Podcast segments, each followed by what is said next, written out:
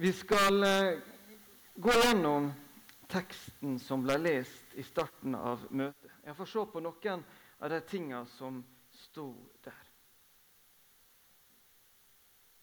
Det begynte med da sabbaten var over og det begynte å lysne den første dagen i uken, kom Maria Magdalena og den andre Maria for å se til graven. At det var kvinner som kom først til grava, og at Maria Magdalena var en av dem, det finner vi i alle fire evangelier. Et viktig budskap. Kanskje er det noe vi litt sjelden fokuserer på. Vi snakker ofte om eh, disiplene til Jesus. Det var altså ei gruppe damer, ei gruppe kvinner, som fulgte Jesus hele tida. Som var der i nærheten av ham. Og Det er ganske spesielt, fordi at dette var i en tid der kvinnene ikke sto veldig sterkt. En kvinne kunne ikke vitne i en rettssak. For vitnesbyrdet til ei kvinne talte ikke.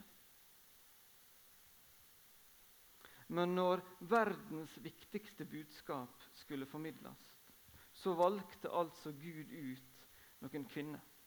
De skulle få lov til å være de som kom til grava først, se det som hadde skjedd, og fortelle dette videre. Denne påska så har det kommet en film på kino som heter den sanne historien om Maria Magdalena.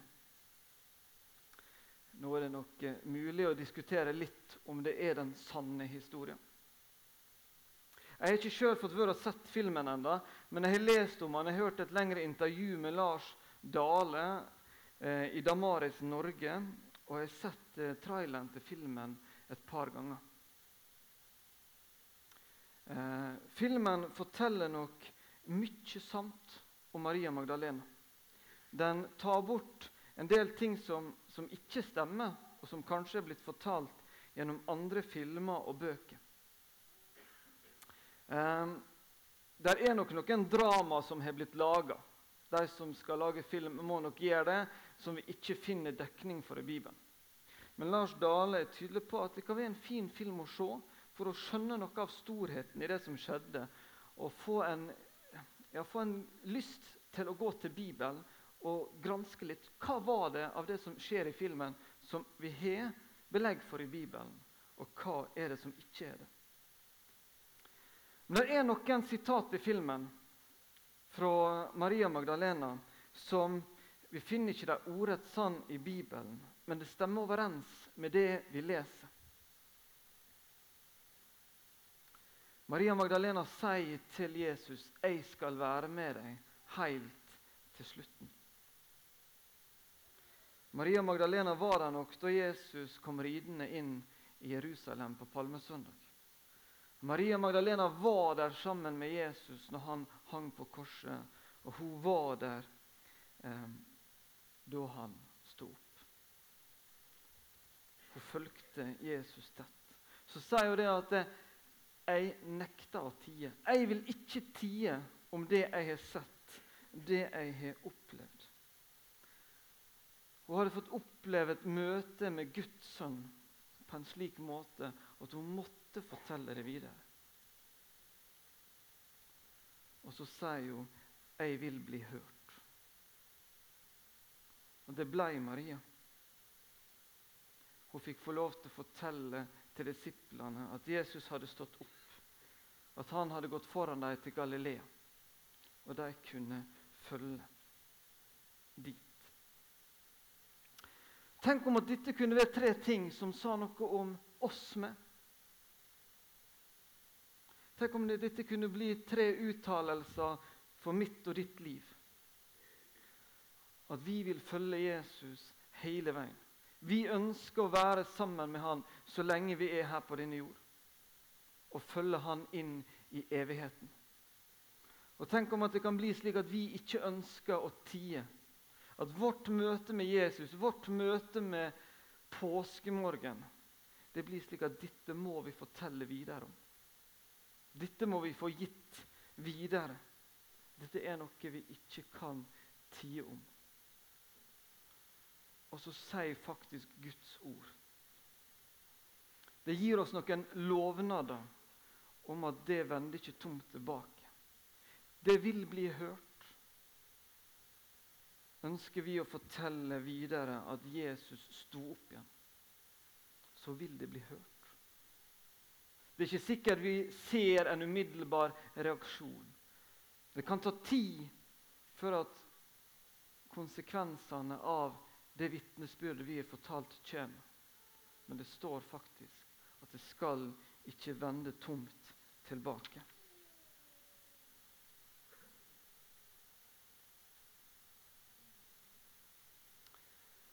Så står det videre i teksten med ett ble det et kraftig jordskjelv, for en Herrens engel steg ned fra himmelen, gikk fram og rullet steinen til side og satte seg på den.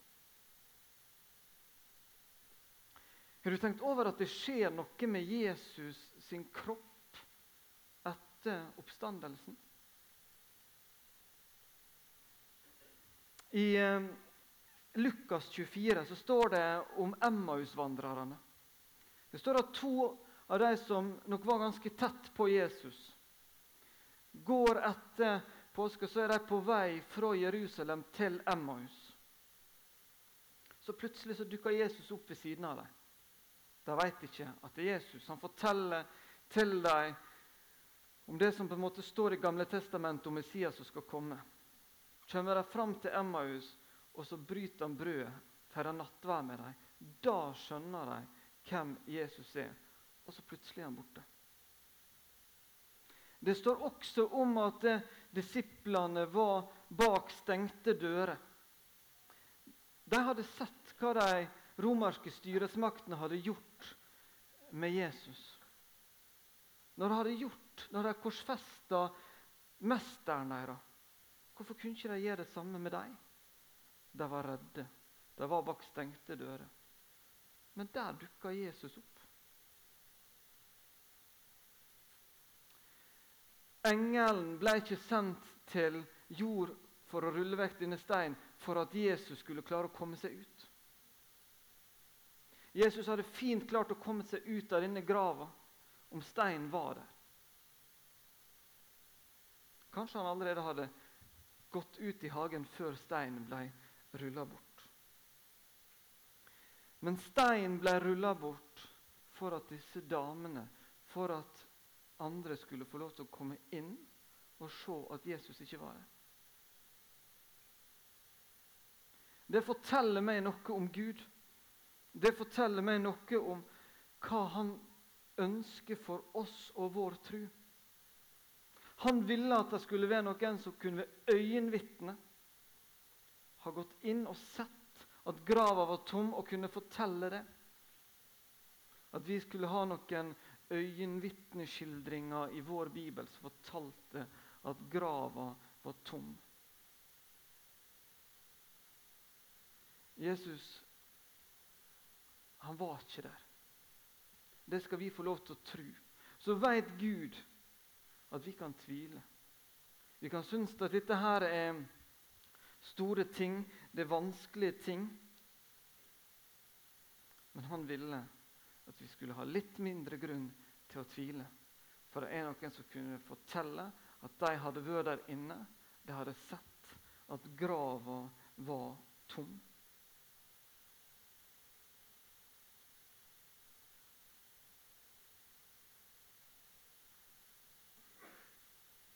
I vers 8 så står det Da skyndte de seg bort fra graven, redde, men jublende glade. Og de løp for å fortelle det til disiplene. Jeg liker den setninga. Jeg må innrømme at jeg har ikke lagt merke til hva som står der før denne påska. Det er en dualisme der som jeg syns er spennende. De var redde, men de var glad. Har du noen gang opplevd ei nesten-ulykke? Men så gikk det bra. Så etterpå så er du veldig glad for at det gikk bra.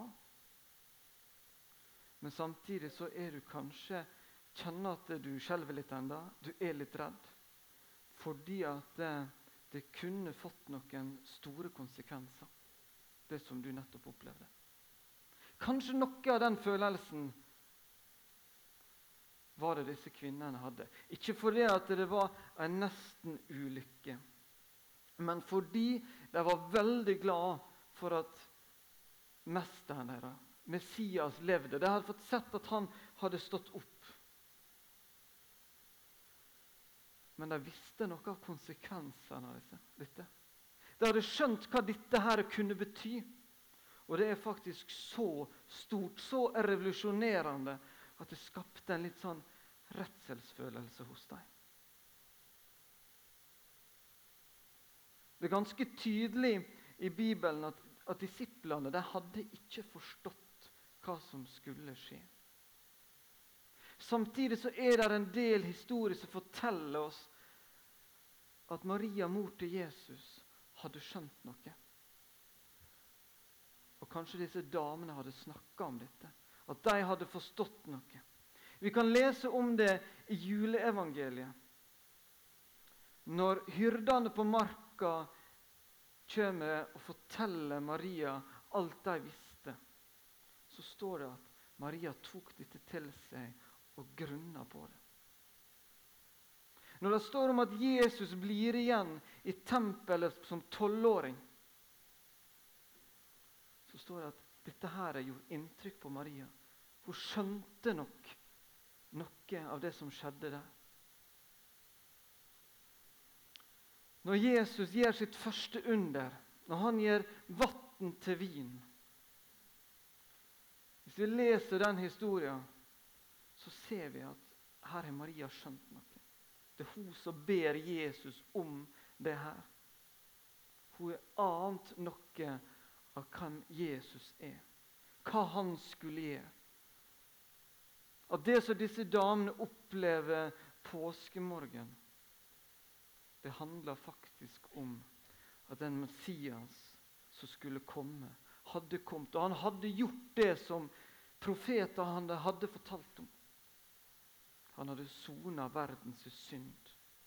Han hadde vunnet over døden. Det var store konsekvenser. Jeg satt for noen kvelder siden og så opp igjen filmen Risen som kom for et par år siden, om påskebudskapet. Og Jeg kjente faktisk litt på noe av samme følelsen. Det er så mektig. Og det på en måte bryter alle våre tanker om hva som er normalt. Jeg Satt faktisk og kjente at det Ja, kjente det i ryggen. Du fikk frysninger. Det er noe ganske enormt, det vi tror skjedde påskemorgen. Det var mulig å være glad og samtidig kjenne på en redselsfølelse.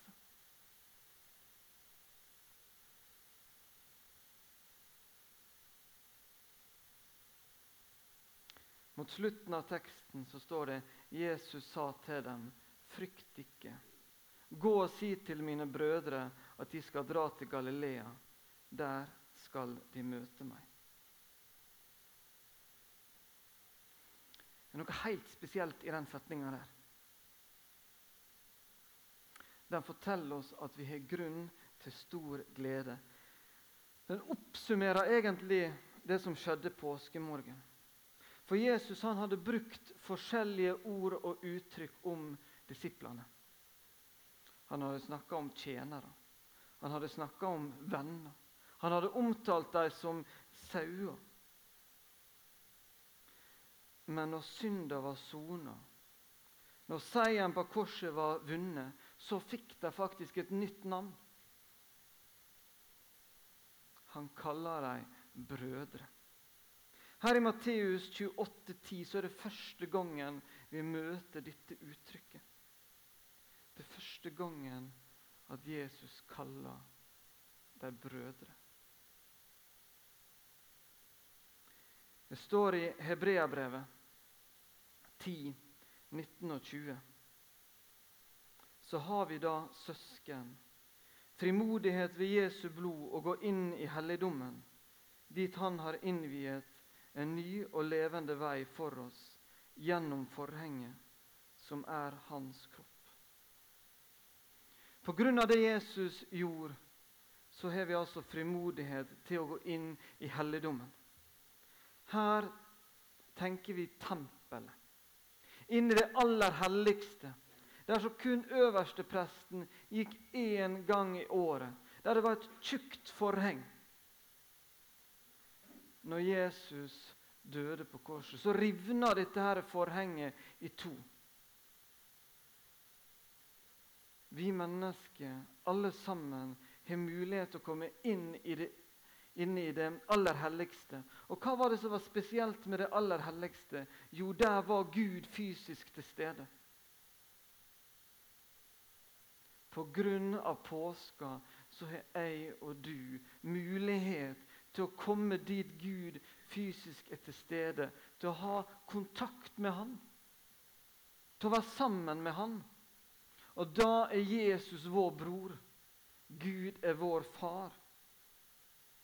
Og Jesus kan si til Maria, si til disiplene, til brødrene mine, at de skal komme og møte meg i Galilea.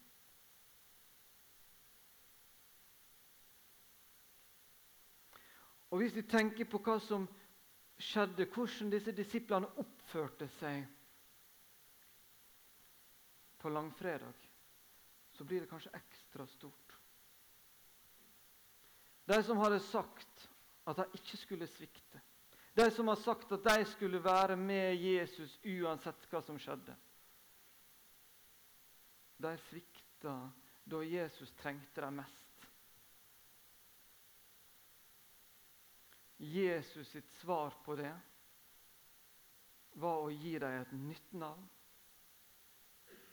med større intimitet enn noen gang før. De som hadde sviktet han, de var ikke nå bare venner, tjenere, men de var brødre.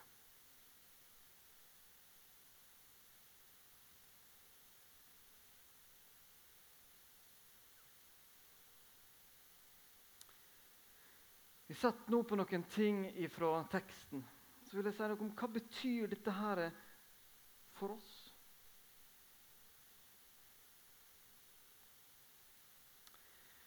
Noen eh, snakker om å ha Jesus som forbilde. At han er et godt forbilde. Men noen stopper kanskje med det. Og flotte forbilder fins jo det også ellers. Når jeg tenker på forbilder, så kommer det først fort opp eh, navn som Martin Luther King eller moder Teresa. Personer som var villige til å strekke seg veldig langt til det beste for de rundt seg. Vi kan la oss inspirere av slike mennesker til å gjøre noe lignende. Og Slik er det altså noen tenker om Jesus. Han var en god leder. Han var en god pedagog. At vi kan gripe tak i det dobbelte kjærlighetsbud. Eller vi kan ta noe fra bergpreken og så si at jo, dette her vil jeg skal inspirere meg til et liv der jeg setter andre foran meg sjøl. Kanskje hadde det vært enklest å bare hatt et sånt forhold til Jesus.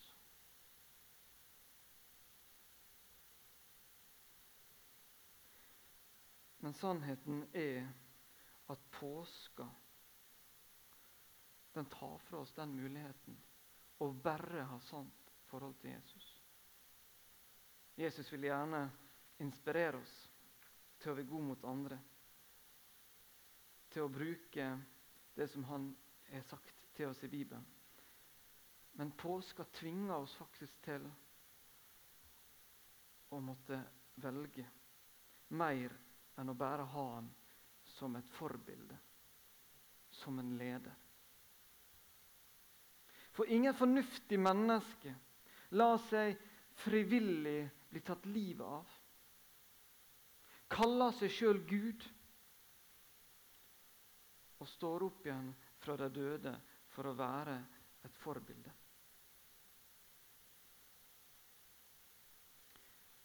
C.S. Lewis han har summert opp i dette at vi har tre valg. Det ene valget er å si at konsekvensen av dette er at eh, Jesus lurte oss. At han var en bedrager. At dette her faktisk ikke skjedde. Men vitner er så tydelige. De er så sterke. Vi har så mange mennesker som var der og så, og som har skrevet det ned, og som har gitt det videre til oss. Vi kan ikke si at han prøvde å lure oss eller prøvde å bedra oss. Alternativ to er å si at han var en gal mann. At han sa dette og virkelig trodde det, men at det ikke var sant. Men der holdet har vi også så gode bevis. Og det kommer så tydelig fram med Jesu personlighet alt han gjorde. Hans evne til å vise empati. At han kunne overhodet ikke vært noen gal person.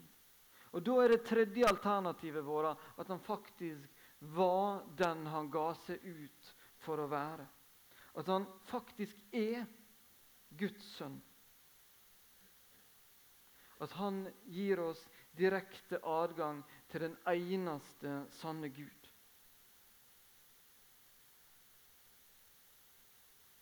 Han gir oss mulighet til å kalle seg sjøl Jesus og alle andre kristne for brødre og søstre. Og han har gitt oss evig liv. Alternativet er et liv uten Gud. Et liv uten det lyset. Et liv uten håp. Om han var en god pedagog eller ikke, om han var en god leder eller ikke, kommer da i andre rekke. Det som er viktig, er om han var Guds sønn. Om han er sona verdens synd. Om han er forskjellen på liv og død. Det er viktig. Og det tvinger faktisk påskemorgen oss til å mene noe om. Hva vil vi gjøre med påskemorgen? Hva vil vi gjøre? Hva blir konsekvensen i vårt liv av det som skjedde denne morgenen? Jeg så på Instagram et sitat eh, fra Øystein Gjerme, pastor i Salt Bergenskirka. Noe han har sagt forrige søndag. Han sa at folk flest har ikke sagt nei til Jesus. De veit bare ikke hvordan han ser ut. Det er så mange mennesker, også i vårt land, rundt oss der vi bor, som faktisk ikke har fått formidla påskebudskapet, slik at de kunne tatt et reelt valg. De har ikke blitt stilt på et valg om de vil tro eller ikke tro det som skjedde påskemorgen.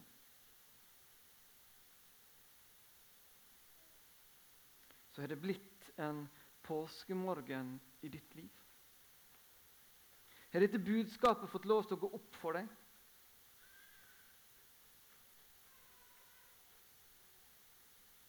Vil du sammen med Maria Magdalena og de andre kvinnene forteller dette videre?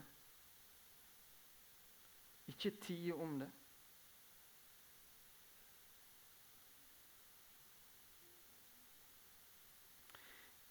i Johannes 12, like etter at eh, Jesus er gått inn, kommet inn ridende inn i Jerusalem på palmesøndag, så står det at han forteller litt om hva som skal skje. Forteller om at han skal dø. Så bruker han et bilde fra landbruket. Det var nok mange av de som var sammen med Jesus, som kunne en del om landbruket. Det var stadig noen bilder derifra for at de skulle forstå hva som skjedde. Da snakka han om verdens mest vanlige kornslag. Han snakka om hvetekornet. Han sammenligner det som skal skje med seg sjøl, med det som skjer med hvetekornet. Et kveitekorn det må i jorda. Det må dø for at vi kan spire opp til mange flere nye kveitekorn. Ved Jesus sin død så har det blitt liv for alle som vil tro på ham. Han ble her på jord en kort tid etter han hadde stått opp, for at en del mennesker skulle få treffe han, sånn at vi kunne få noen øyenvitneskildringer i Bibelen vår. Men så reiste han hjem til Gud. Skal vi tenke at det hadde vært fint å ha Jesus i nabolaget vårt? Så sier kirkefader Augustin han forsvant for øynene, men ble funnet igjen i hjertene. Tenk, vi, tenk om vi kunne tenke som Augustin. At vi kunne velge å tenke at det som skjedde påskemorgen, det vil jeg tro i mitt hjerte.